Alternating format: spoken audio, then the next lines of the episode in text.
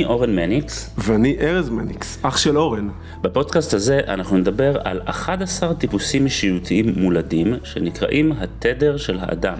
נפגוש אנשים מעוררי השראה שגילו לאיזה טיפוס הם משתייכים ונדבר על איך ניתן להביא לידי ביטוי את התדר שלנו. שהוא עוצמת העל המולדת של האדם במערכות היחסים, בביטחון העצמי ובהגשמה המקצועית. אוקיי, אנחנו בפודקאסט פרק חדש בפודקאסט התדר עם אור אליעז. כיף להיות פה. כן, שמי שלא יודע הוא בעצם uh, הבעלים והיוזם של האולפן שאנחנו נמצאים בו. נכון, הרבה זמן אנחנו פה ואני קודם כל שמח ו- ומודה על זה שאנחנו ככה הרבה מאוד זמן כבר uh, עובדים ביחד וכיף להיות בית לפודקאסט ולדבר המדהים שאתה עושה פה. תודה. הוא... בפודקאסט הזה אנחנו נלמד לספר את הסיפור של עצמנו, הוא עוזר לאנשים לספר את הסיפור של עצמם, ולראות גם איך זה מעבר לדבר של אנשים שרוצים להשפיע, אם זה בעלי עסקים, אנשים שרוצים להביא את המסר שלהם. אני חושב שזה גם מאוד קריטי, בייחוד להתמודד במצב שלנו עכשיו. אה, איזה סיפור אנחנו מספרים לעצמנו? ואיך... הסיפור השתנה מאוד בחודש ומשהו האחרונים, אז צריך, אה, צריך לחשוב נכון, עליו מחדש. נכון, נכון. ואנחנו נשים דגש איך אנחנו רואים את הסיפור של עצמנו בתוך הסיפור הגדול. כלומר, יש את הסיפור של המדינה, אבל יש את הסיפור שלנו בתוך המדינה, הסיפור שאנחנו מספרים לה איך אנחנו בתוך המשפחה, מי אנחנו כבני אדם, וכמו שאמרת, זה, הסיפור הזה מאוד משפיע על הרגשות שלנו, על התחושות שלנו, על העשייה שלנו. אמ, אה, אנחנו הבחנו את אה, אור, הוא תמיד היה רואה פה, מביא אותי אה, ככה שאני עושה את הפודקאסטים, מאבחן את האנשים, ולא ידעתי שבסתר הוא גם רצה ויצאה הזדמנות פה והיום הוא בא איתנו. הוא גם לא יודע שהרבה זמן רציתי גם לראיין אותו. מדהים. אבל אה, הכל מסתדר, מי... הכל מסתדר נכון? בחיים, ארז. הכל בסוף יושב, אתה יודע, אני, אני, אני אגיד לך במאמר מוסגר, קודם כל, אני לא איזה, אני, אני לא בן אדם רוחני מאוד, אוקיי? אני בן, ההפך, אני בן אדם מאוד מאוד פרקטי, מאוד ארצי, אני לא יודע מה האבחון הזה הולך אה, להראות, אבל אני מאוד סקרן.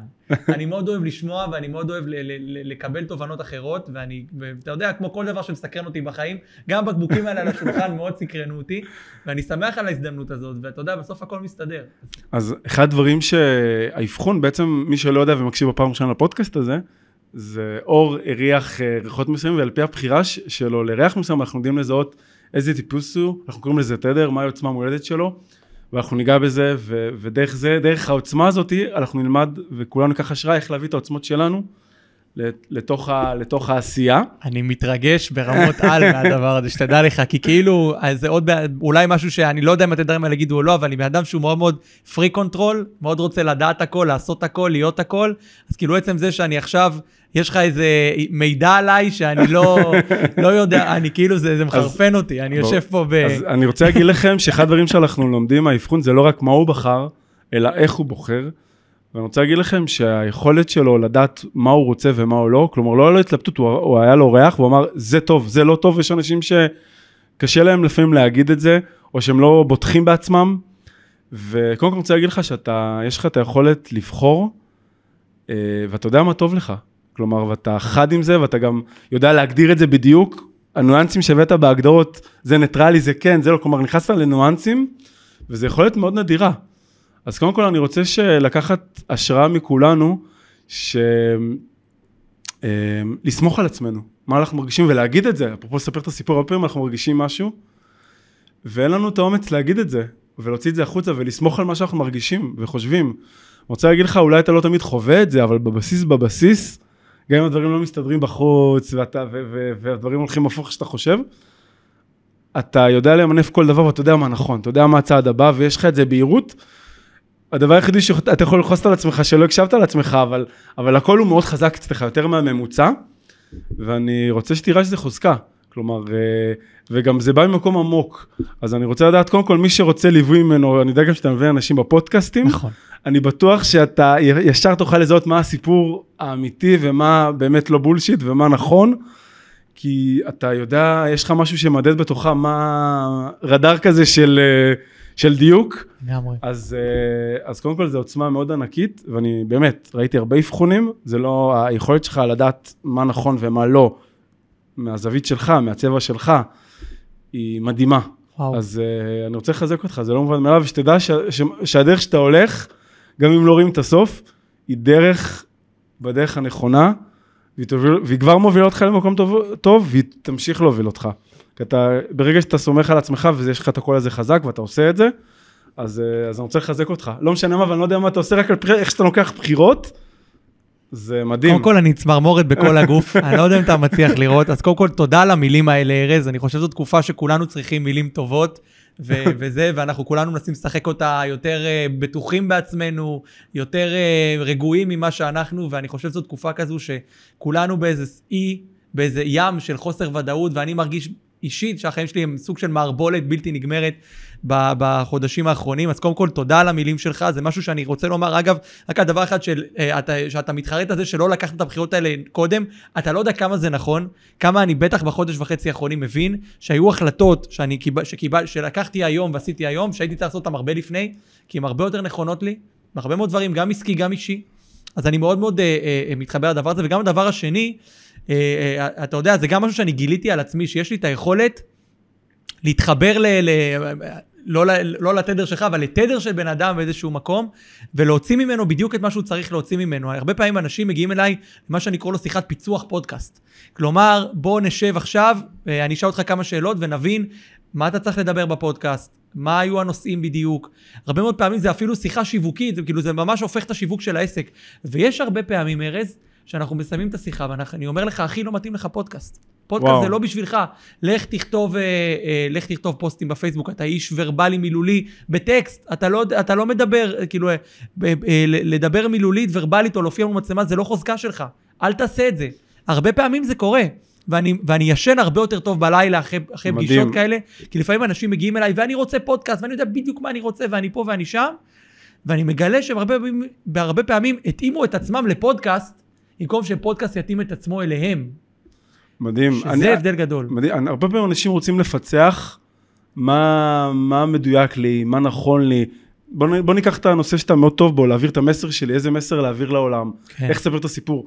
מה, יש לך איזה טיפ למי שרוצה לפצח את המסר של, של עצמו? כן. כלומר, אה, שהוא כבר רוצה להתחיל את התהליך עם עצמו, מה, מה, מה יכול לעזור לו? תראה, אה, אני חושב שבלי להתכוון, אנחנו עושים הרבה מאוד פעולות בחיים, ש... בסוף מכניסות אותנו לדבר שלנו. יש שיקראו לזה הייעוד, יש שיקראו לזה המטרה, יש שיקראו לזה השלב הבא בתוכנית העסקית, זה לא משנה, אבל הרבה מאוד פעמים אנחנו עושים את הדברים האלה בלי בכלל להתכוון. לדוגמה, לצורך העניין, שאני בסוף רוצה לעשות פודקאסט למישהו, שאני רוצה לקדם אותו עסקית, אני רוצה להביא לו לקוחות חדשים וכולי. הרבה פעמים אנשים אומרים לי, אני פונה לכולם. אתה יודע, יועץ משכנתאות מגיע אליי, אני פונה לכולם. כן. גם לאנשים שקונים דירה ראשונה, וגם לאנשים שזאת הדירה ה-20 שלהם. ואז אני הולך ואני אומר לו, אוקיי, בוא תספר לי קצת מי הלקוחות שלך. מי האנשים שבסוף קונים, אתה יודע, אנשים שאתה זה. אז הוא אומר לי, כן, בסוף, בסוף אנחנו מגיעים לזה שכולם הם, סתם דוגמה, משפחות אה, בנות 35 עד 40, שגרות בקריית טבעון, כי הוא עצמו בן 38 וגר בקריית טבעון, אז הוא מוצא את החיבור הזה אוטומטית. זאת אומרת, אנחנו הרבה מאוד פעמים אומרים לעצמנו דברים מסוימים בראש, אבל עושים דברים אחרת לגמרי. אז הייתי אומר לאנשים, תסתכלו על מה אתם עושים, על האנשים שמקיפים אתכם, על הדברים שאתם אומרים להם, על הדברים שאתם עושים בעצמכם, ופתאום אתם תשימו לב מה הסיפור האמיתי שלכם. אני ראיתי את זה על עצמי, הרבה מאוד דברים. אני... יש לך דוגמה קונקרטית ככה, שמאוד השפיעה עליך, שראית על עצמך, שאמרת, וואי, זה היה... שזה היה ממש uh, לידי. אני, אני, אני אגיד לך משהו ש... תראה, אני... אני רוצה להאמין שאני אדם מאוד מאוד מודע לעצמו, בצורה אפילו חדה וכואבת. אני הייתי הרבה מאוד שנים, הייתי בילדות, הייתי ילד דחוי, חברתית, מאוד מאוד וואלה. קשה. הייתי ילד אה, שמצד אחד היו סביבו הרבה מאוד אנשים, מצד שני הייתי מאוד מאוד דחוי, חרמות, קללות, נידויים. יש הייתי... איזשהו משהו שצרב אותך, איזשהו אירוע כזה שאתה זוכר? יש. הרבה, יש המון אירועים. מה, אני זוכר את החרם בכיתה ד' אה, של שבועיים שאף אחד לא דיבר איתי בבית ספר, אף אחד. וואו.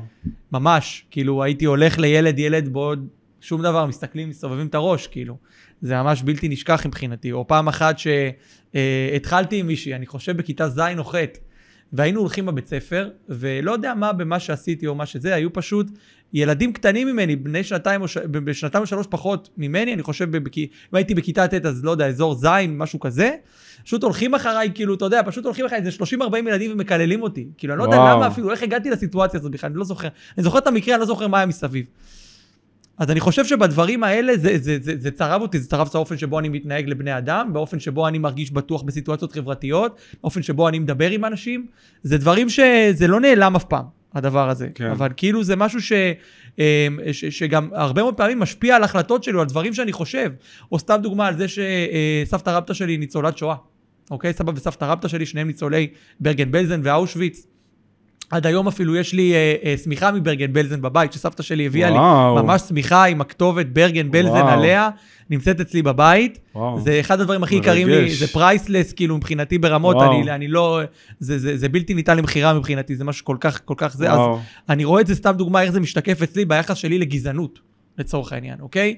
עכשיו בזמן הזה של המלחמה, פתאום הרבה מאוד גזענות צצה עליו. Mm-hmm. מאוד אנשים אומרים, אנחנו אה, אה, את כל הערבים, וכולם mm-hmm. מחבלים, וכולם זה. עכשיו, ברור שיש כאן ארגון טרור שצריך אה, להשמיע כן. אותו, על זה אין, אין ויכוח ואין עוררין, אבל עם הדבר הזה של כל הערבים צריך, mm-hmm. זה נורא נורא קשה לי. אני נלחם בזה, אני רואה אנשים, אפילו ניתקתי קשר עם בן אדם, ואני לא עושה את זה. אני פעם כן. הייתי בן אדם מאוד פוליטי. אני לא מנתק קשרים עם אנשים על פוליטיקה, אבל היה פשוט בן אדם שאמר, לא צ... החשבתי אותו חבר קרוב. או. הוא היה יועץ שלי אפילו לתקופה, יועץ עסקי. כן. והוא אמר משהו בסגנון, לא צריך לעבוד עם, עם ערבים, לא צריך לדבר עם ערבים, ואני מתעמת איתו, אני אומר לו, אתה יודע שמה שאתה אומר זה, זה מסוכן וזה לא נכון? לא, אני לא צבוע. Mm. אז אמרתי לו, תודה רבה, אתה לא צבוע, אני לא חבר שלך, נגמר הסיפור. כלומר, אתה מאוד רגיש ל... אה, גם ההיסטוריה שלך וגם האישי. מאוד רגיש אה, בעצם לא של אפליה, לראות את האחר, להיות רגיש לאחר. מין, אה, זה משהו ש... כן, לשנאה ש... קולקטיבית נקרא לזה. כן. על בסיס משהו ספציפי. כן. מאוד מאוד רגיש לי הדבר הזה. וואו. מאוד רגיש לי. יפה, ואיך זה בא מיום הרגישות הזאת מבחינת אנשים? אמ, תראה, אני, אני בן אדם כזה שאני מאוד חי את היום. אני מאוד מאוד לא, גם בגלל, אגב, הרבה זה שהייתי דחוי, אני זוכר שהייתי יכול לעבור ימים נוראים בבית ספר ולקום מחרת בבוקר עם חיוך והולך לבית ספר כאילו הכל טוב. משם הדבר הזה נהיה מאוד מאוד חזק אצלי. אני מאוד מאוד חי את היום, mm. אני לא mm. מתעסק במה יהיה עוד חודשיים, מה יהיה עוד שלושה, מבחינתי זה, אתה יודע, הם, הם, הם, הלקוחות הראשונים שלי, אני חושב, באולפן, הוא אחד מהראשונים, אה, רצו לקבוע איתי אה, זמן הקלטה לעוד חודש. ועכשיו, אמרתי להם בהתחלה, אתם משוגעים? אני לא יודע מה יהיה איתי עוד חודש, איך אני אקבע לעוד חודש? ואז אמרו לי, לא, זה לא רציני, וזה, אתה תראה שאנחנו צודקים. באמת, אחרי כמה זמן, אמרתי להם, אתם צודקים, אתם יכולים לקבוע גם לעוד שלושה חודשים מהיום. אז כאילו זה, זה משהו כזה שהוא, שהוא, שהוא, שהוא אני, אני עוד מנסה להבין אותו, אז, אז אני מאוד בן אדם של הרגע, אז אני לא, אתה יודע, אני הרבה פעמים שופט סיטואציה לפי עכשיו, לפי מה שקורה mm. עכשיו. אז אני לא באמת רואה את ההשפעה של זה בחיי היום-יום, אבל אני יכול להגיד לך כאילו פרספקטיבה אחורה, שהרבה מאוד דברים שעשיתי, החלטות שעשיתי, אה, מקומות שהייתי בהם, עבודות שהיו לי, כן. מאוד מאוד היו במקום הזה של לכלול את כולם, להיות כן, לקבל את כולם על, לא על בסיס דת, נכון. מין או גזע. וגם כשמישהו עושה למשל פודקאסט, אני יודע, אמ, עולים פחדים, כי אתה גם מצולם, אתה גם שומעים אותך. נכון. אה, וזה פתאום אתה, זה לא אחר. אח שלי אורן, אה, שהוא בן מפתחי השיטה, הוא למד בניסן נתיב שלוש שנים, שזה נחשב בבית ספר למשחק בין הטובים. נכון. אמרתי, וואו, איזה יופי, עכשיו, אחרי זה הוא יצטרף לתדר, אחרי שהוא למד משחק. אמרתי, וואו, מדהים, עכשיו מול המצלמה, הוא יפציץ. הפעמים הראשונות שלו, אני הסתכלתי עליו, הוא פשוט גמגם. למה? כי זה לא המשחק, זה על עצמו. נכון. ו... ו... ו... ובעצם זה מאפשר לך להיות רגיש. ומאפשר לך כאילו להזדהות עם אנשים, ללוות אותם למקום הזה, ואני מניח, אני שואל. אני רואה את התהליכים האלה. זה, זה, מה שאתה אומר כאן, אני רואה יום-יום. אני רואה אצל המון אנשים, גברים ונשים דרך אגב, שזה דבר מדהים, זה לא עניין אפילו מגדרי. כשמגיעים להקלטה, דרך כלל, מה שאני עושה עכשיו הרבה לאחרונה זה ראיונות חד פעמיים. זאת אומרת, בן mm. אדם בא לפודקאסט שלי, שאנחנו מראיינים אותו פעם אחת ומביאים לו פרק. אז אתה רואה לאורך זמן הראיון, את, ה, את, ה, את השינויים בבן אדם ובאיך שהוא מגיב. בשלוש, ארבע, חמש דקות הראשונות, אנשים מאוד מאוד סגורים, שפת mm. גוף מאוד מכווצת, מדברים כן. מאוד בקצרה, לפעמים מתבלבלים, מבקשים לעצור מאוד מאוד על ההתחלה.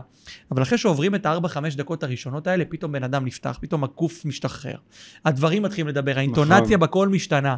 זה דברים שאנחנו, אני, מאוד, אני רואה כאילו, אתה יודע, אני ממש מרגיש את הנימים, מתי הבן אדם מרגיש בנוח, מתי הוא מתיישב על הכיסא כן. הזה ומרגיש שהוא בבית.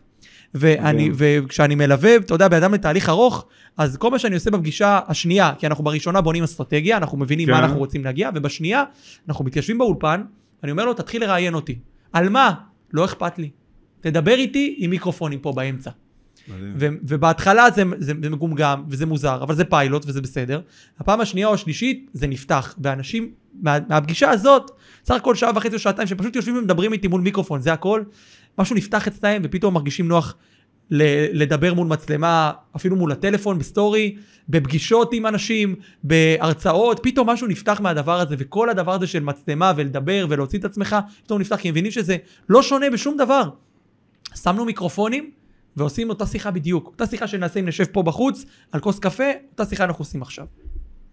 מדהים. אגב, אמרת בין השורות משהו שלדעתי מאוד חשוב, אני רוצה לשים על זה זרקור, זה שאתה מסתכל לא רק בן אדם מה הוא אומר, אלא גם על השפת גוף שלו. לגמרי. ואנחנו עכשיו בתקופה שהמון אנשים, גם אם הם לא יגידו את זה, אה, והם ידברו רגיל, אנחנו צריכים לאתר אנשים שצריכים את המילה הטובה. יכול להיות שהכל בסדר אצלם, יכול להיות שאפילו טוב אצלם.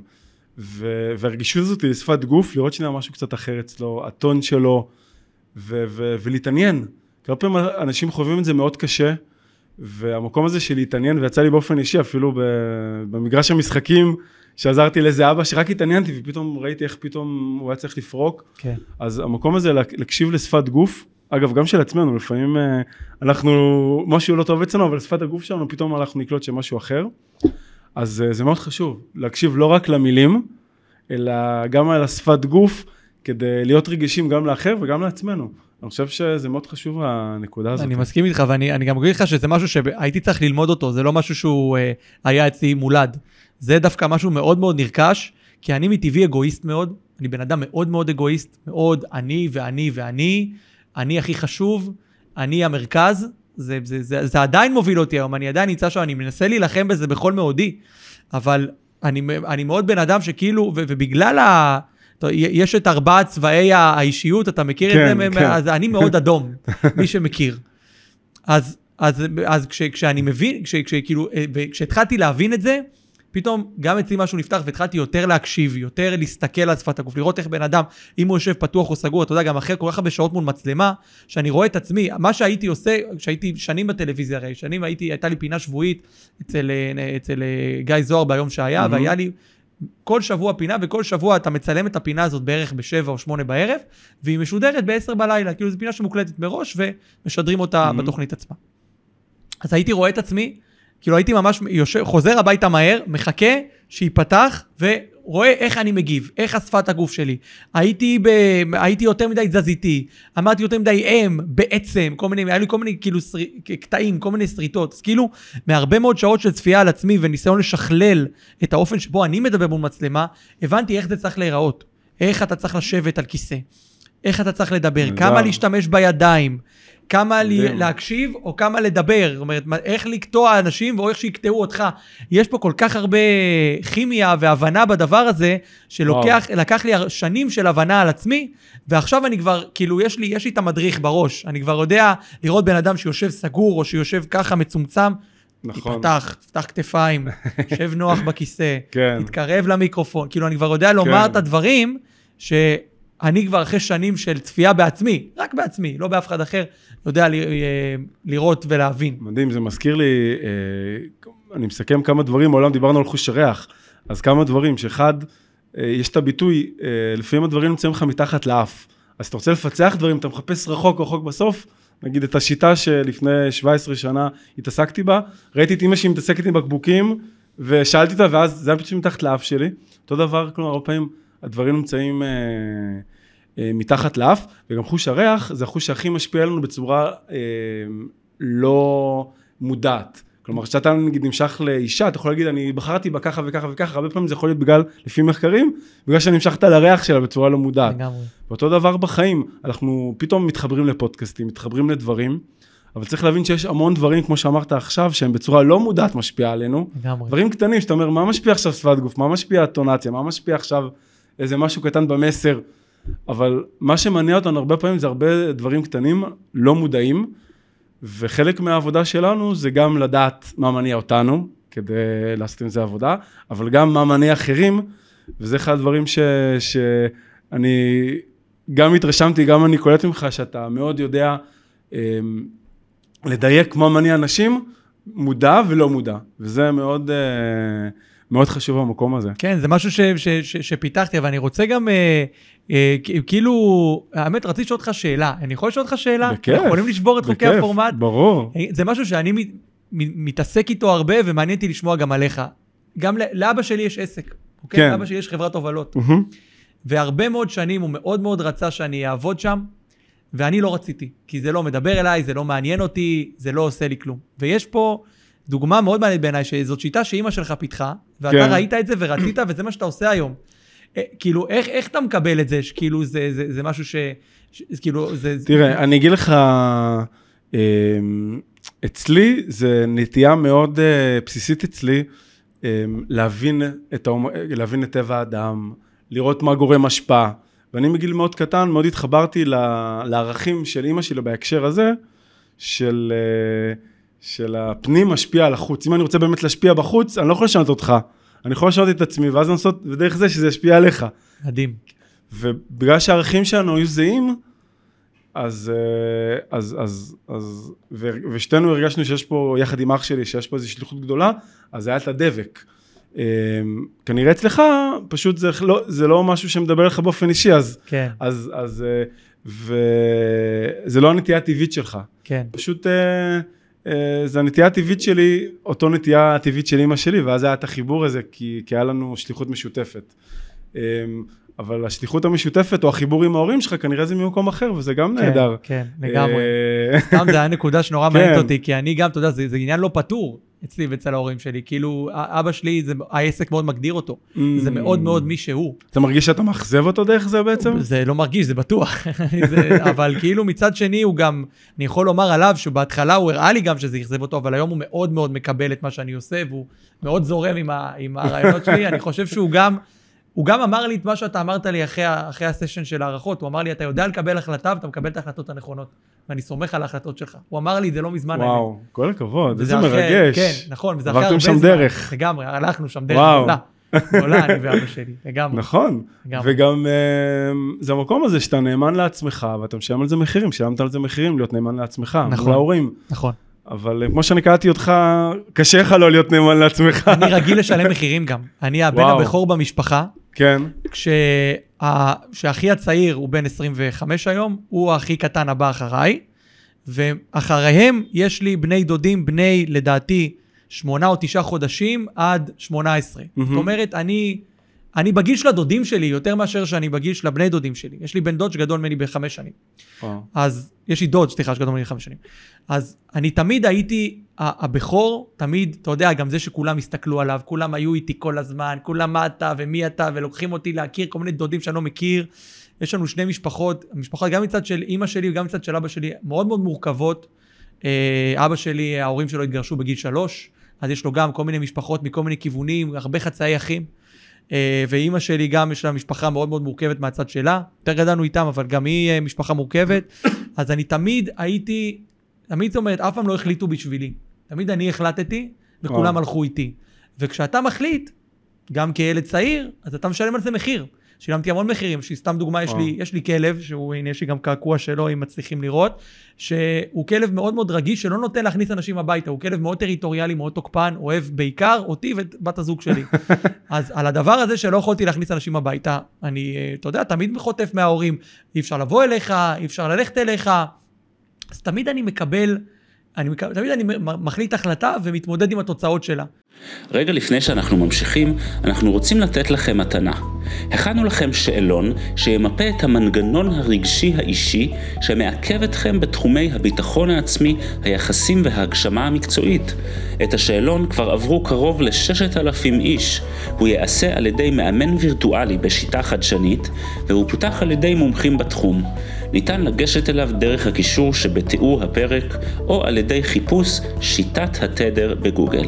מדהים. התוצאות שלה הן ברובן הגדול טובות, ועם הרעות אני מתמודד, כי אני לא... אני, בגלל האגואיזם שלי, אני מאוד מאוד לא מתרגש ממה שאנשים כן. אחרים אומרים. אז דיברנו על איך לספר את הסיפור, אז אני רוצה להציע לך סיפור חדש.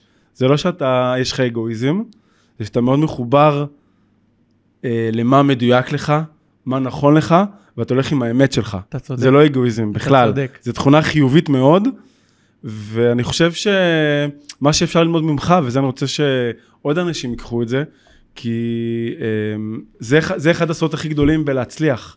זה להיות מוכן לשלם מחירים על מי שאני. למה אנשים כל כך מחוברים, לא מחוברים נגיד לעצמם, או לא מעזים לעשות דברים, או נמנעים, או חיים חיים של אחרים, אפרופו חיים של ההורים, חיים של, לא חיים של עצמם, כי הם מפחדים לשלם את המחיר של עצמם. אז עכשיו יש לך בילד אין שאתה כאילו לא מסוגל לא, בדיוק. כי אתה, כי אתה, יש לך איזה משהו פנימי שהלכת עם האמת שלך, אבל יש אנשים שזה לא בא להם טבעי להיות כן. מחוברים לאמת שלהם. כן.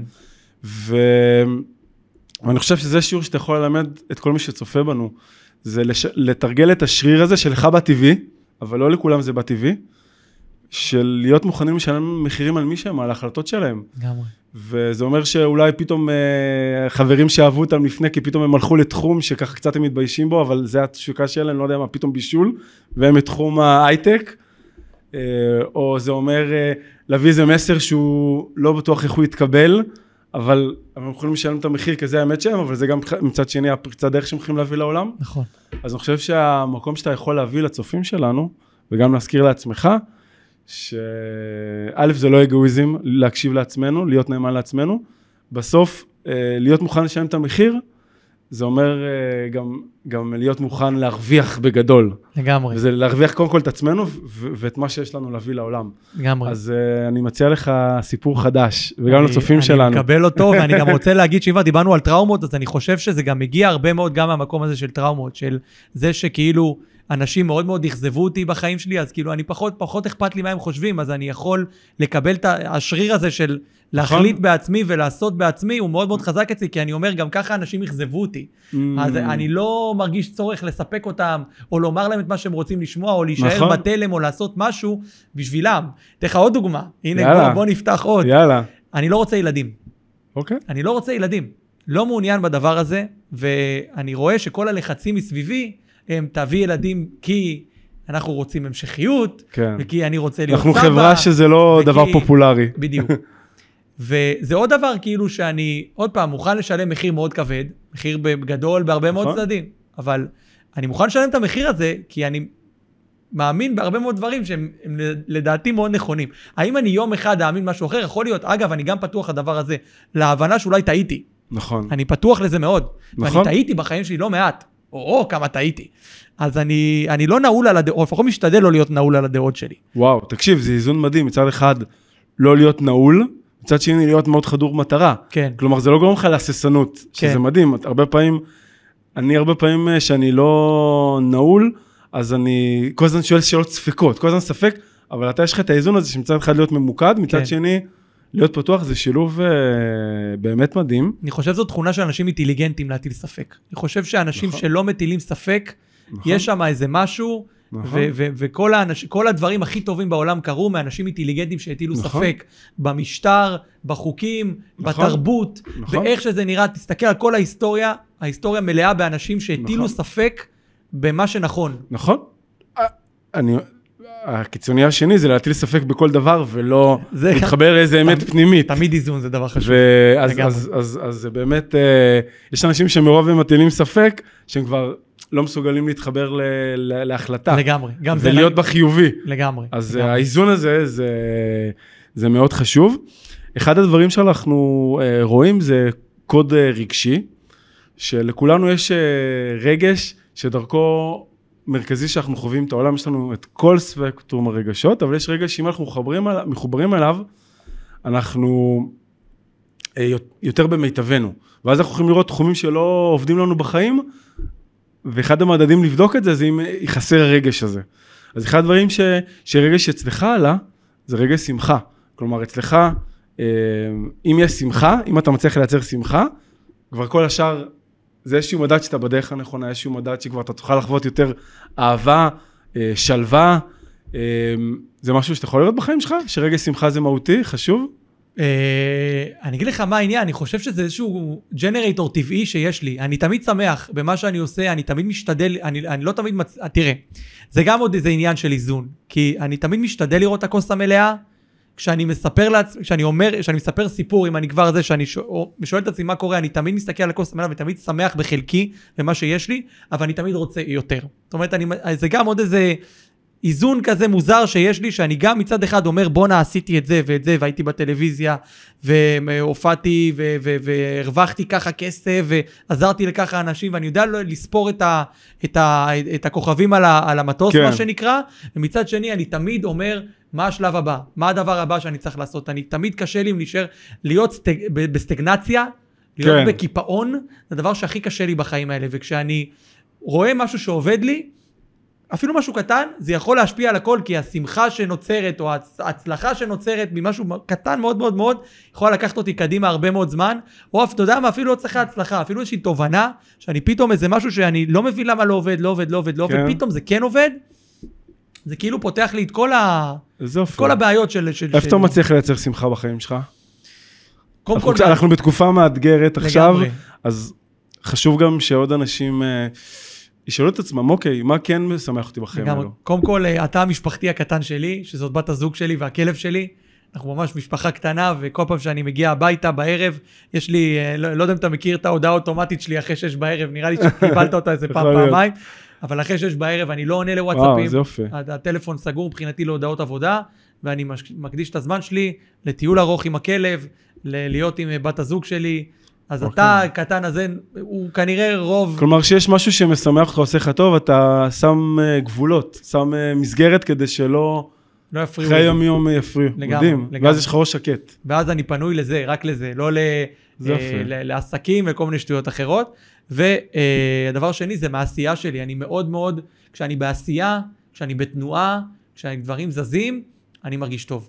וואו. אני חי איתו. בגלל זה גם דיברתי עם, אה, עם, אה, עם עדי, אה, שגם התארח בפודקאסט הזה, לפני זה, שזו גם תובנה שהבנתי במלחמה הזו, שאני צומח במשברים. אני טוב לי וואו. במשברים. את פרוקאסט הקמתי בקורונה. וואו. הקמתי בסגר שני של קורונה, מרץ 2020, הקמתי את פרוקאסט. אז הקמתי אותה. מדהים. ועכשיו, גם בזמן הזה אנחנו מצליחים לשנות אותה, לשפר אותה, להגדיל את העסק הזה, לעשות ממנו וואו. משהו אחר. אז אני שם לב שכש... דברים לא טובים הולכים, ההזדמנויות צצות לי. מדהים. הדברים הטובים קורים לי, וזה לא מדהים. שהתקופה הזאת מדהימה מבחינתי, יש לי בת דודה חטופה עכשיו בעזה. וואו. כן? ואנחנו חיים בזה, ואני, וזה זה, זה מנהל אותי, ואני עושה מה שצריך כדי, כדי לעזור בדבר הזה במה שאני יכול. אבל מצד שני, העניין הזה שיש לי מה לעשות, שיש לי למה לקום בבוקר, שיש לי במה להתעסק, גם אגב בלשחרר אותה או בלייצר מספיק בס תקשורתי כדי לשחרר אותה, זה מאוד מאוד ממלא אותי, ונותן וואו. לי את, את הדרייב הזה שצריך וואו, כדי לעבוד. וואו. קודם כל זה מדהים, שבעצם יש הרבה אנשים שמתכווצים במשברים, ומה שאתה מראה לנו שאפשר במשברים, יש המון הזדמנות שנפתחות, המון, ואתה מראה את זה המון. עליך אה, אה, למעשה. ואחד האתגרים הרבה פעמים, זה לצמוח לא דרך משבר. כלומר, וזה באמת... אה, לגמרי. וזה, וזה מה שנקרא, לא להיות מכבה שריפות או לא לחכות למשבר. זה... זה כמובן תמיד לצמוח, כל משבר אפשר לצמוח, זה ברור. צריך לפעמים לייצר משבר. בדיוק, לייצר משבר, ו... ו... ו... ולפני משבר תמיד יש סימנים הרבה יותר קטנים. נכון. זה יכול להיות תחושה פנימית, זה יכול להיות אה, משהו מסביבנו שקורה. אה, בכל, בכל שינוי שאנחנו רוצים לעשות, תמיד תמיד יש שם סימנים קטנים אה, שאנחנו מקבלים, וזה חלק, ה... זה האתגר באמנות החיים. איך אה, לקרוא את הסימנים, זה יכול להיות תחושה שמבצבצת, ושם באמת זה לסמוך על עצמנו, לסמוך על אה, עצמך, זה גם בהתפתחות אישית, אומרים, האידיאל זה לא לצמוח, כאילו, זה בסדר לצמוח ממשברים, אבל לא נגיד, אפרופו מחלה, תאכל בריא, אל תחכה למחלה כדי לאכול בריא. לגמרי. כלומר, אה, וזה, וזה בעצם, אני חושב, מצד אחד מיומנות מדהימה לצמוח ממשבר, מצד שני, לפתח מיומנות לא לחכות למשברים כדי לצמוח, וזה גם. האיזון הזה. ולפעמים אנשים צריכים את האגרוף בפנים הזה. כולנו צריכים את, ה, את האגרוף, כי יש לנו, יש לנו דברים שאנחנו עיוורים אליהם, יש דברים נכון. שאנחנו לא רואים, נכון. יש דברים שכולנו צריכים את זה. אגב, לפעמים זה יכול להיות מבן אדם שקרוב אלינו, שינער אותנו, וזה יכול להיות מאיזשהו משבר אה, רגשי, יש כל מיני משברים. לגמרי, לגמרי, וזה, והעניין הוא שאתה אף פעם לא יודע איך, איך זה יתפוס אותך. לפעמים יש דברים קטנים מאוד, שמשפיעים עליך בצורה מאוד מאוד חזקה, ודברים גדולים מאוד שלא משפיעים עליך. צורה כזאת, כאילו, אתה יודע, אני, אני זוכר סתם דוגמה, הייתה לי איזה שיחת מכירה עם איזה מישהו, סתם בן אדם, ליד פוטנציאלי, לקוח שהתקשר, רצה לקבל פרטים לפודקאסט, שאני יומיים חשבתי על השיחה הזאת. וואו. ולא היה בה שום דבר מיוחד, או זה, פשוט לא שיחה שהלכה טוב, מכל מיני סיבות. כן. מצד שני, אירוע כזה כמו מלחמה, כמו דברים, כאילו, עוד פעם, אני חי את זה, זה, זה, זה נמצא, זה מנהל אותי אפילו, אבל אני לא נותן לזה להשפיע עליי, על המחשבות מדהים. שלי, על, ה, על האופן שבו אני רואה את העולם. אז כאילו זה... מדהים, זה, זה, לא יכולת, זה יכולת חשובה. ומה אתה עושה עם כל הרגשות שצפים? אולי אתה לא נותן לזה מקום, אבל מה, מה אתה עושה עם זה? גם אחרי ימים שצפים רגשות לא פשוטים, מה אתה עושה עם זה? קודם כל אני נותן לזה מקום. אני וואו. כל הזמן נותן לזה מקום. אני חשוב. עשיתי כמה פגישות עם פסיכולוג, אני וואו. שחררתי דברים, אני הוצאתי. וואו. אני לא מתבייש בזה. אני רוב חיי, אגב, אה, עבדתי עם פסיכולוגים ונעזרתי בפסיכולוגים, אני עברתי משברים לא פשוטים, גם בגלל הילדות שלי, גם בגלל אה, דברים וואו. שעברתי, בצ... הייתי בצוק איתן בצבא, וגם שם חוויתי ועברתי דברים לא פשוטים, אז גם זה, זה היה משהו שנקודה נפשית, אישית, שהייתי צריך בעזרה. וגם, וגם בזמן האחרון, אני במלחמה לקחתי כמה פגישות ועשיתי מה שצריך, אז וואו. אני קודם כל מאוורר את זה, ושתיים, אה, יש לי את הטקס בוקר הקבוע שלי, ויש לי את האופן שבו אני מתחיל את היום, וההתחלה הזאת של היום מאוד מאוד עוזרת לי. מה הטקס שלך? אני סקרן. תראה, יש משהו מסוים בטקס הזה שאני מעדיף לא לדבר עליו, כי זה משהו באמת באמת 아, אה, שלי אוקיי, אישי. יש משהו שאתה רוצה לשתף? אבל ש... בוא נגיד ככה, אני לוקח את הזמן שלי לעצמי, אז מה זה למחשבות. טקס בוקר? בוא תספר למי שלא יודע, כי זה משהו שמאוד חשוב שנותן לנו כן. עוגנים. מה זה בכלל טקס בוקר? קודם כל אני קם מוקדם. אני קם uh, שש, לפעמים, שש, אני עוד אגיע למועדון החמש, זה עוד יקרה, עוד לא, אבל אני קם שש, שש וחצי בדרך כלל. מוציא את הכלב לטיול ארוך, גם טיול של שעה בבוקר. או, זה, זה ממש המדיטציה שלך, אה? טיול עם הכלב. המדיט... לגמרי, לגמרי. אתה יודע, כי זה, העניין הוא בגלל, הוא כלב שגם אה, כל בן אדם שהוא רואה ברחוב, כמעט כל בן אדם וכל כלב, הוא אה, יכול לנבוח עליו ויכול לתקוף אותו אפילו. אז ללכת איתו זה ללכת בלי הטלפון, מרוכז לחלוטין, וואו. להסתכל על כל בן אדם שעובר ומה עושים ואיך עושים. אז כאילו, זה שעה שאתה פורסט להיות בלי טלפון ורק להסתכל על הרחוב או על אנשים או על זה. אז, אני, אז, אז הטיול הזה מאוד מנתק אותי ומאוד באמת נותן כן. לי איזה איזון על הבוקר. וגם אני עושה, כמו שאמרתי, איזשהו, הטקס שלי, שאני חושב, נרגע, אומר איזה מילת, אה, בוא נתחיל את היום הזה, מה שנקרא, בטוב. אה, ורק אז אני מצחצח שיניים, וואו, שותה יפה. קפה והולך לעבודה. כאילו זה מה שיש לי סדר, פעולות מאוד מאוד מדויק ומסודר. יפה. וש, תקשיב, טקס בוקר זה מאוד מאוד חשוב, בייחוד בימים כאלו, להקפיד לעשות את זה. כן. אני גם, אני מניח תפילין. משלב את זה גם עם מדיטציה של קול, אני, אני עושה. אה, הרבה פעמים ספורט, הליכה או ריצה, אני עכשיו אה, עושה הליכה. עברתי ניתוח, אה, תרמתי כליה לפני שלושה חודשים, כן, כן. אז, אז אני כרגע יכול רק ללכת. שזה גם דבר כן. שרק על זה אפשר למלא אז, שתי עונות של פודקאסט. כן, אז, אני יכול, רק, אז אני, אני יכול רק ללכת עכשיו, כן. אבל בדרך כלל אני רץ. ואז אני רוצה להגיד שהטקס בוקר הוא, הוא מאוד חשוב, כי הוא מאפס את היום, אני חושב שהוא כן. טיפ טוב. מי ש... אה, לראות, לא ישר לקום מהמיטה, כלומר, אפשר, כן? ו- ולהגיע למשימות, לראות מה אתם יכולים לעשות כדי שיעזור לכם להתחבר לעצמכם. וגם זה שזה טוב. חוזר על עצמו כל יום, יש משהו בסוף שאנחנו, האנשים, צריכים את האיפוס הזה. נכון. את האיזון, לא משנה מה יהיה היום, מה יהיה אתמול, מה יהיה עוד שבועיים. אתה יודע שהבוקר שלך מתחיל באחת, שתיים, שלוש, מטופש ומטומטם ככל שזה יהיה אגב, זה משהו שמאוד מאוד מאזן, לדעתי. למה חשוב לספר את הסיפור של עצמך? כלומר, זה משהו שאתה מתמחה בו, למה זה חשוב בכלל? למה צריך את זה? כי אין ברירה אחרת. עוד פעם, אני, ראית אותי, אני בן אדם שמבחינתי זה או it's my way or the highway, כמו שאומרים אצלי, אבל מבחינתי, כאילו, מה שאני רואה באנשים, זה שהרבה מאוד אנשים נמצאים באיזה מקום שהם שבוא נגיד בחיינו הבוגרים, אנחנו עובדים מאוד קשה כדי להשיג משהו. וכשהשגנו את המשהו הזה, אנחנו מחפשים את הדבר הבא. והדבר הבא זה זה. זה לתת את הידע לעולם, לתת את הערך לעולם, להגיד איך אנחנו הגענו, איך...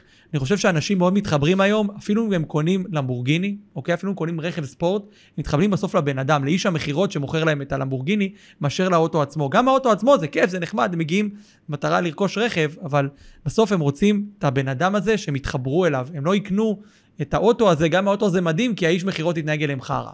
מבין מה אני אומר? אז כאילו, בכל מה שאנחנו עושים היום, אנחנו בסוף מדברים עם אנשים וקונים מאנשים. אני חושב שדווקא בתור כתב טכנולוגיה לשעבר, לראות איך המהפכה הזו של הסושיאל, וזה שעברנו לנהל אינטראקציות מול מסכים ומול מצלמות, ובאבטיים כן. דיגיטליים, וזה יקרה עוד הרבה יותר משמעותי בעתיד, אני חושב נכון. שדווקא הדבר הזה הפך את הקשר הבין-אישי, הפך את הבוא נשב פנים מול פנים ונדבר, הפך את זה להרבה יותר חשוב, הרבה יותר משמעותי, ולמנוע קנייה, מנוע חיבור, מנוע רגש, הרבה יותר גדול אה, מכל אה, דבר שקורה בסושיאל. אנחנו כל הזמן מספרים סיפורים, אם זה בפוסטים, אם זה בשיחות החולין בעבודה, בעסק, עם הקולגות. מה הטעות הנפוצה שאתה רואה בסיפור שאנשים מספרים שהם לא שמים את הסיפור האמיתי. שהם, שהם לא אותנטיים. אני חושב שזאת הבעיה הכי גדולה של אנשים, שהם לא אותנטיים, שגם עוד דבר שהרשתות... יש לך איזה דוגמה כזאת שתמחיש לנו, כדי שזה יהיה לא ארטילאי? אז הנה, אז, אז לצורך העניין, אני אפילו חוזר אותה דוגמה של יועץ משכנתאות, שאומר לי, אני מוכר לכולם, אני עובד עם כולם. אבל זה לא באמת נכון. אנחנו אף פעם בתור אנשים לא עובדים עם כולם, אנחנו לא מדברים לכולם, אנחנו לא פונים לכולם. בני אדם בטבעם הם סובייקטיביים. הם אוהבים mm-hmm. דברים מסוימים, הם נמשכים דברים מסוימים, נמשכים לריח מסוים, הם נמשכים לאנשים מסוימים ולדברים ספציפיים. כלומר, מה שאתה אומר לי זה דיוק. כלומר, מאוד חשוב הדיוק, מה אני רוצה, לאן אני רוצה להגיע, מה, מה מכל סט העבר שלי, הכוחות שלי, אני רוצה להוציא החוצה. זה הדיוק והדיוק הנכון. לפעמים אנשים מדויקים על מה שלא נכון להם. Mm. לפעמים אנשים נעולים בראש על משהו מאוד מאוד ספציפי, כי הם שמעו איזה סיפור, כי הם ראו איזה משהו, כי הם אוהבים מאוד מישהו מסוים שעושה משהו מסוים, והם רוצים רק את זה, אבל כשהם מקשיבים רגע לעצמם, ומבינים מה, במה הם טובים. אגב, ומה שמדהים בעיניי, שאת הדבר הזה אפשר לפרק בארבע-חמש שאלות. לא קרה עוד מצב שאנחנו עושים פה שיחת אה, פיצוח לפודקאסט, לדוגמה, ואחרי 4-5 שאלות אני לא מכיר את הבן אדם הזה יותר טוב ממה שהוא לפעמים מספר לעצמו. הרבה פעמים אנשים מגיעים אליי והם מספרים לעצמם סיפור אחר, הם אומרים לי בפגישה, לא, אתה טועה, אתה לא צודק, הולכים הביתה, מתקשרים אחרי יומיים, אור, כל מה שאמרת אתה צודק. הבנת אותי בול. זה קורה לי כל כך הרבה. ואני, ו, וזה מבחינתי הדבר. צריך, לפעמים צריך את הבן אדם החיצוני הזה, אפילו לא חייב איזה איש מקצוע, נכון. אבל בן אדם שישאל את השאלות הנכונות, יגיד את הדברים הנכונים, ייתן להריח את הריחות הנכונים. אגב, אני רוצה להגיד שלפי האבחון שלך, אתה תפור לבן אדם, תפור לקלוט את האמת הזאת, את החדות הזאת. כן.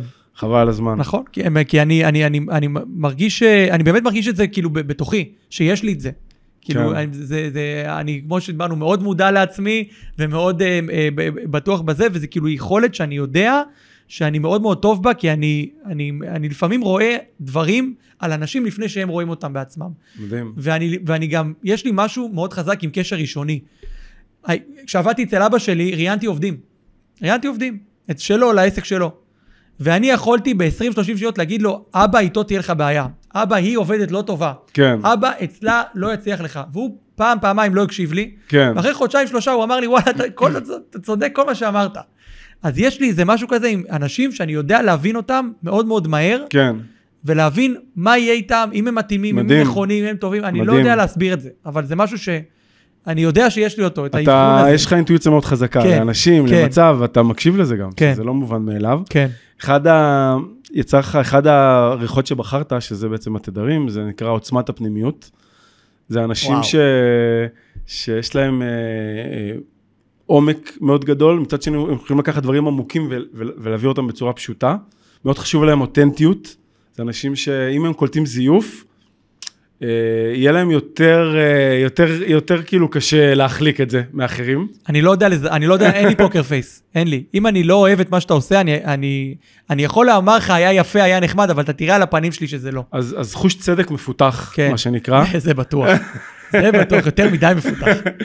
נכון, זה לא יותר מדי, זה כוח שלך. כן. כלומר, מה שיפה בכלל, שאנחנו רוצים גם לספר את הסיפור שלנו, ואנחנו רוצים אה, להשפיע, אה, אנחנו, המטרה שלנו זה לקחת את הכוח הכי גדול שלנו ולהוציא את, זה, את זה החוצה. מה שגורם לאנשים לא לעשות את זה, שהם לוקחים את הכוח הכי גדול שלהם ויורים לעצמם ברגל. סתם אחוש צדק, זה יכול להיות דבר מדהים, זה גורם לך לעזור לאנשים. כמו שאתה רואה, לקחת איזושהי מטרה חברתית ו- ו- ומישהו דיבר בפייסבוק ו- והיה, והיה לך חשוב לעשות איזשהו דיאלוג מהזמן שלך היקר. נכון. ו- אמ, אבל למשל בתקשורת בין אישית, לפעמים צדק זה לא העניין, כי בסוף כתקשורת זה לא משנה מי צודק, זה בסוף מה שחשוב זה היחסים. לגמרי. ו... ו... ואז בעצם אה, המטרה שלנו זה לקחת, ומצד שני, כולנו רוצים שיהיה לנו מישהו שלידינו, ש... ש... שהוא יהיה אמיתי איתנו, אה, ש... ש... ש... שנדע שהוא ערכי, שנדע ש... שככה אה, יוביל אותנו למקומות שאנחנו רוצים. אז, אז, אז בעצם המטרה שלנו, לזהות מה העוצמה שלנו, ולדעת איך להשתמש בזה, לא לראות לעצמנו ברגל, אלא לקדם את עצמנו. וזה, וזה חלק מה... חלק מהמקום הזה. ו... וחלק מהמקום הזה בעצם זה לעשות גשר בין החוץ לפנים. כלומר, יש לי איזה, חלק מהתדר הזה זה באמת לראות מה יש בתוכי, להבין את החוץ צדק, אבל לייצר את הקשרים האלו החוצה, כי, כי בסוף אה, החיבורים האלו בין אנשים, בין... אה, בין, אה, בין דברים, לתקשר את עצמי החוצה ולדעת מה קורה, זה בעצם גם, שם גם קורה קסמים, ש, ש, שלפעמים ש, שגם חשוב להביא אותם. אה, וככל שהם מתבגרים וגדלים, יודעים את האיזון הזה בין הצדק והאמת שלנו לבין אה, לייצר את ה... לייצר את, ה, את האחדות, כי זה התדר המשני שלך, זה אחדות הניגודים. כן חשוב לך, אתה כן רואה חיבור בהרבה דברים, אתה כן רואה, אתה כן רואה, יש לך יכולת לקחת דברים מנוגדים ולמצוא את החיבורים ביניהם. וואו. אז, אז כן, אז, אז כן זה משהו שחסר לך, כלומר, אני מניח ש... שכן אה, לייצר אה, דברים שהם כאילו, הרבה פעמים האנשים האלו, יכול להיות להם חבר אינסטלטור, חבר הייטקיסט, חבר זה, והם רואים את החיבורים, אין להם את הקטע הזה של המעמדות, הם רואים פשוט את החיבורים, ויש לך שילוב מעניין, כי הרבה פעמים לטיפוס הזה קשה לבחור, כי הוא רואה טוב בכל דבר, אבל יש לך את האיזון הזה שמצד אחד יש לך את האמת הפנימית, מאוד חזקה, מצד שני, אתה רואה חיבורים בין המון דברים שעל פניו, מישהו יסתכל במצב, תגיד, איך חיברת בין הדברים האלה? הם לא קשורים. כאילו, ו... וזה העוצמה שלך. מדהים, אה, קודם כל זה מדהים, זה שני דברים שמדהימים בעיניי, גם החיבור בין החיבורים האלה. אה, ואני באמת מרגיש שזה מתאר אותי, כאילו מה שאתה אומר מאוד מאוד מאוד פוגע בי במקומות מאוד עמוקים בנפש. אה, ואני מרגיש שדווקא בקטע של אחדות הניגודים, אני יותר מרגיש שאני בעצמי חי בתוך ניגודים שחיים בשלום, נכון. אחד עם השני. אני, זה, uh, זה מתחיל משם, נכון? כן, זאת אומרת, בדיוק. אני מרגיש שאני הרבה פעמים גם זה וגם זה. אני לא מרגיש, אה, זה אולי בדיוק. מתחבר לחוסר יכולת לבחור שאתה אומר כאן. כי אני יכול להיות גם מאוד מאוד לאהוב ילדים, אבל לא לרצות ילדים, לצורך העניין. או כל מיני דברים כאלה שכאילו אני אומר לעצמי, אני, אני, אני גם זה וגם זה. אתה גם יש לך, אתה רואה כאילו, יש לך הכל, אבל מצד שני אתה יודע גם לבחור. כן. כשאתה מחליט משהו, אתה הולך לזה עד הסוף. זה כבר אחדות הניגודים. נכון. וזה יכולת מדהימה, כי שם קורה הקסם. כלומר, בעצם בסוף, ביהדות, מי שקצת לומד קבלה יודע שיש את הכוח של הימין, אה, גבורה, כוח של החסד, שזה נתינה ו- ו- וככה המקום היותר אה, זורם. ו- ו- והיהדות באה ואומרת, אה, מה שנקרא יעקב, קו אמצע. ואתה יש לך את הקו אמצע הזה, שאתה במתייווך, מאוד חזק, ו- וזו יכולת מדהימה, ואני חושב שכולנו יכולים ללמוד את המקום הזה, כלומר, אם אתה רוצה לתת נתינה, זה לא אומר שאתה לא יכול להיות גיבור או לקחת החלטות. כמה פעמים אנחנו מוותרים על דברים כי אנחנו מרגישים שאי אפשר ליישב את הדברים. יש מושג בהתפתחות שנקראת הדרך השלישית. אנחנו צריכים לזכור שתמיד יש את הדרך השלישית. הרבה פעמים יש לנו או זה או זה וששתיהם נגרים לנו גרועות, שתי אופציות גרועות, אז אנחנו מתחילים להימנע או לא לעשות משהו, ותמיד יש איזה, שיהיה לנו את הקול הפנימי, שתמיד יש את האופציה השלישית, גם אם אנחנו לא יודעים אותה עדיין. מדהים. וזה מדהים. אני רוצה ש... וזה מה שאתה מלמד אותנו. בעצם תמיד שיש את האופציה השלישית, גם אם אנחנו לא מודעים אליה, פשוט צריך לחפש אותה. אתה צריך לחשוב, כמו שאמרת, זה מתחת לאף. זה בדיוק מה שאמרת, מאוד מאוד מתחברת לי, זה מתחת לאף. אנחנו מחפשים וחושבים הרבה מאוד דברים. אפילו אגיד לך אה, על העסק שלי, בסדר? היו לי, שאתה יודע, שלושה אולפנים, ורציתי לעשות גם את זה וגם את זה וגם את זה, וכל הזמן, כאילו, אתה יודע, אני... אומנם, אה, אתה יודע, לקוחות שבאו לתשלום הנמוך יותר, לאולפן הפחות מפואר, בוא נגיד ככה, הם היו מרוצים וטובים בחלקם וכולם זה, אבל אני ברמה האישית שלי הרגשתי שהמוצר לא מספיק טוב. שזה לא מה שאני רוצה שיהיה השם שלי, המותג שלי, הדברים שאני אומר וכאלה. כן. ו- ואני חושב לעצמי איך עושים, מה עושים, על- ו- ואז כאילו הגיעה הדרך השלישית, באמת, כמו שאתה אומר, שהיא בסוף הייתה לי מתחת לאף, כי אני הרבה מאוד זמן רציתי גם לאחד את זה, גם לעשות אולפן הרבה יותר יפה, גם הרבה יותר איכותי, גם להביא מוצר הרבה יותר מדויק, ממוקד. כי בסוף מכל הידע והניסיון שלי הבנתי איך זה צריך לעבוד. יש בסוף דרך אחת או שתיים או שלוש גג, שבו אפשר לעשות פודקאסט לעסק. אז באמצעות הדבר הזה פשוט הבנתי את זה, וזה נתן לי את היכולת להבין שהנה הדרך השלישית והייתה אצלי מתחת לאף כל הזמן, כי היה את כל האולפנים והסוגים וההפקות והעניינים, אבל בסוף זה נורא נורא פשוט. נכון. תביא מוצר אחד טוב ויפה ואיכותי, ותיתן בו ליווי כמה שיותר עמוק ומלא, וכולם ירוויחו מזה הכי הרבה שאפשר. אז כאילו זה, זה ממש מתחת לאף, כל הדרכים וכל הדברים, בסוף אל תסתכלו רחוק, תסתכלו למטה. ותמצאו את זה, ותצאו לדרך. נכון, זה, זה מדהים. עכשיו יש פינה שנקראת פינת המלצת, המלצות לעבודה. וואו. ואני, וזה פינה שאני אתן לך כל מיני המלצות לעבודה לתדר שלך, ואתה בוחר מה בא לך לתרגל. יאללה. אוקיי? ומה שיפה בזה, שלא רק אתה משתתף, זה כל המאזינים שלנו גם מקשיבים לזה, וכל אחד יכול לקחת לעצמו. בכולנו יש את כל התדרים, רק יש השאלה מה הווליום והמינון. מכל אחד אפשר ללמוד משהו. מעניין. ו... ו... אז אני אגיד לך את ה... את ההמלצות לעבודה ותגיד מה, מה אתה רוצה לקחת. יאללה. אוקיי, ללמוד להציב גבולות. תעצור אותי שנדלקת על משהו. חד משמעית, כבר, טינג, טינג, טינג, טינג, אוקיי. טינג. לעבודה על יצירת קשרים מן הפנים אל החוץ. יכולת לשתף בעולמך הפנימי ויצירת תקשורת עם הזולת. עוד גם אני, גם, אבל... גם פה אני עוצר אותך. עבודה על יצירת קשרים מהחוץ אל הפנים. אה, להיות ערניים לצרכים של עצמם. הכרת היכולות שבתוכם, לדעת לזהות ולהכיר בהן ובאיזה אופן לעשות בהן שימוש. ללמוד תקשורת בין אישית עמוקה. גם זה, חד משמעית. ללמוד לבטא חולשות וצרכים וללמוד לבקש אותם מהסביבה. גם זה, חד משמעית. ללמוד לקבל מאחרים, ללמוד להיות עצמאים ולהפסיק להיות תלותים או שולטים. ללמוד ליצור הבחנות בין רגש לבין היגיון לבין עולמות ידע גבוהים. ללמוד לחוש שלווה וביטחון כדי להעצים את היכולת הפריצה קדימה. מה אתה בוחר מכל האופציות? וואו, מה, אני חייב אחת? אתה רואה, אני, אתה יכול אחרי זה עוד, אני אשלח לך את זה, ואתה יכול אחרי זה, זה, כן. וואו, אה, ללמוד לייצר תקשורת בין אישית עמוקה. אוקיי, מה, למה כן. בחרת את זה? כי אני מרגיש תמיד, וזה גם מאוד, גם מתחבר לי לטראומות של הילדות וכאלה, שכאילו, כשאני יוצר קשרים עם אנשים הם תמיד שטחיים. הם לא לעומק, mm. אני לא באמת בקשר עם הבן אדם, אני לא באמת מכיר אותו, את הדברים שהוא אומר, את הצרכים שלו, את הבעיות שלו. אני מכיר אותם ברמה שאני צריך להכיר אותם. כן. אבל לייצר קשרי חברות, הייתי אומר. אני חושב שהקשר הבין-אישי עמוק זה מה שיוצר בסוף קשרי חברות, וקשה לי מאוד... חברות ואינטימיות. כן, לייצר, לייצר, כאילו, אתה יודע, עוד פעם, ברמה האישית. שלי, יש לי חברים טובים. כן. יש לי... אבל באיזשהו אה, רובד שאתה רוצה. הגיע לפה, יש לי קשר מדהים עם אח שלי, יש לי אה, אה, קשר מדהים בת הזוג שלי, אבל הייתי רוצה בעוד יותר. רובד. כן. עוד רובד. ועוד רובד. אוקיי. זה מתחבר גם לעוצמת הפנימיות, שכן חשוב לך שיש איזשהו עומק, ו... וכן זה שצריך שיש לך. כן. אז זה בא לידי ביטוי. לגמרי. אז, אה, אז אנחנו, החלק האחרון שאנחנו נסכם, שתגיד אה, עם איזה תחושה אתה יוצא, מה, מה לקחת מה, מהפודקאסט הזה. שמע, אה, בכנות לומר לך, זה היו ה-48 דקות מהטובות שהיו לי בשנה האחרונה, אני אומר את זה, וזה בשנה שהייתי ב, ב, בחו"ל שלוש או ארבע פעמים, ואני נהניתי מכל רגע באמת. השיטה שלך מרתקת, ואני עוד פעם, לא בן אדם... כמו שאמרתי, לא, לא ניו אייג'י, לא, אתה יודע, ב, ב, לא רוחני, בוא נגיד ככה, ועדיין זה ריתק אותי. ההבחנה הייתה מדויקת ברמה באמת אה, מדהימה. זאת אומרת, אני לא, יודע, לא ידעתי שאפשר להגיע להבחנה כל כך מדויקת ב, ברמות כאלה. זה דברים שגם אני, עוד פעם, חייתי בתוכם, אבל לא אמרתי לעצמי, אתה יודע לבחור, אתה יודע לקבל אחת, לא אומר, אני לא אומר את זה לעצמי.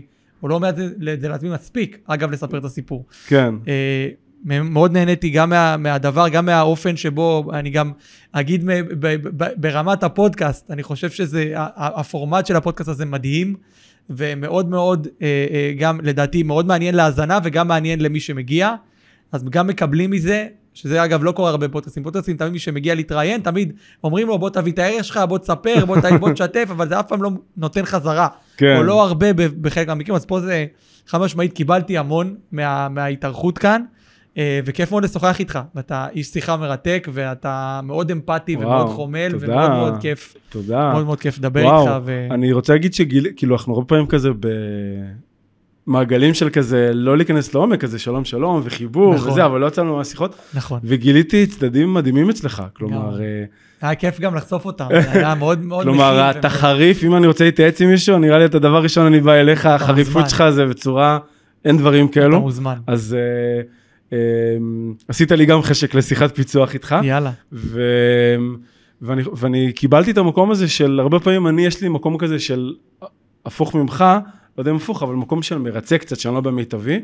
אז המקום הזה חיזקתי לי, אוקיי, תסמוך על עצמך, תלך על זה, תהיה נאמן לעצמך בעוד רובד. כלומר, בדברים שלפעמים הנטייה שלי קצת אה, לייצר הרמוניה, אה, לרצות, ואני לפעמים קצת הולך אני קצת שוכח את עצמי במקומות האלו, אז, אז חיזקת אותי. מדהים. במקום הזה. זה כיף. ו... ויצאתי עם תחושה גם של שמחה, ותודה שהגעת. תודה לך, ו... וכיף על ההזדמנות הזאת, יודע, אני גם חושב שזה לקח לשנינו, לתפוס הזדמנויות בשתי ידיים. נכון. הנה, הייתה פה איזו הזדמנות, ביטלו לך. ותודה על הזרימה. ולי היה זמן, נכון. ואני שמח. נהדר, ותודה לכל המאזינים, ונתראה בפודקאסט הבא של התדר. יאללה, ביי. עד כאן להפעם, תודה שהייתם איתנו. אם אהבתם את הפרק, אתם מוזמנים לעקוב אחרי הפודקאסט ולקבל עדכונים על פרקים שמתעדכנים. אם עלה בכם הרצון לדעת עוד על התדר האישי שלכם ואיך הוא יכול לשדרג את חייכם, אתם מוזמנים לחפש שיטת התדר בגוגל או ללחוץ על הקישור שבתיאור הפרק.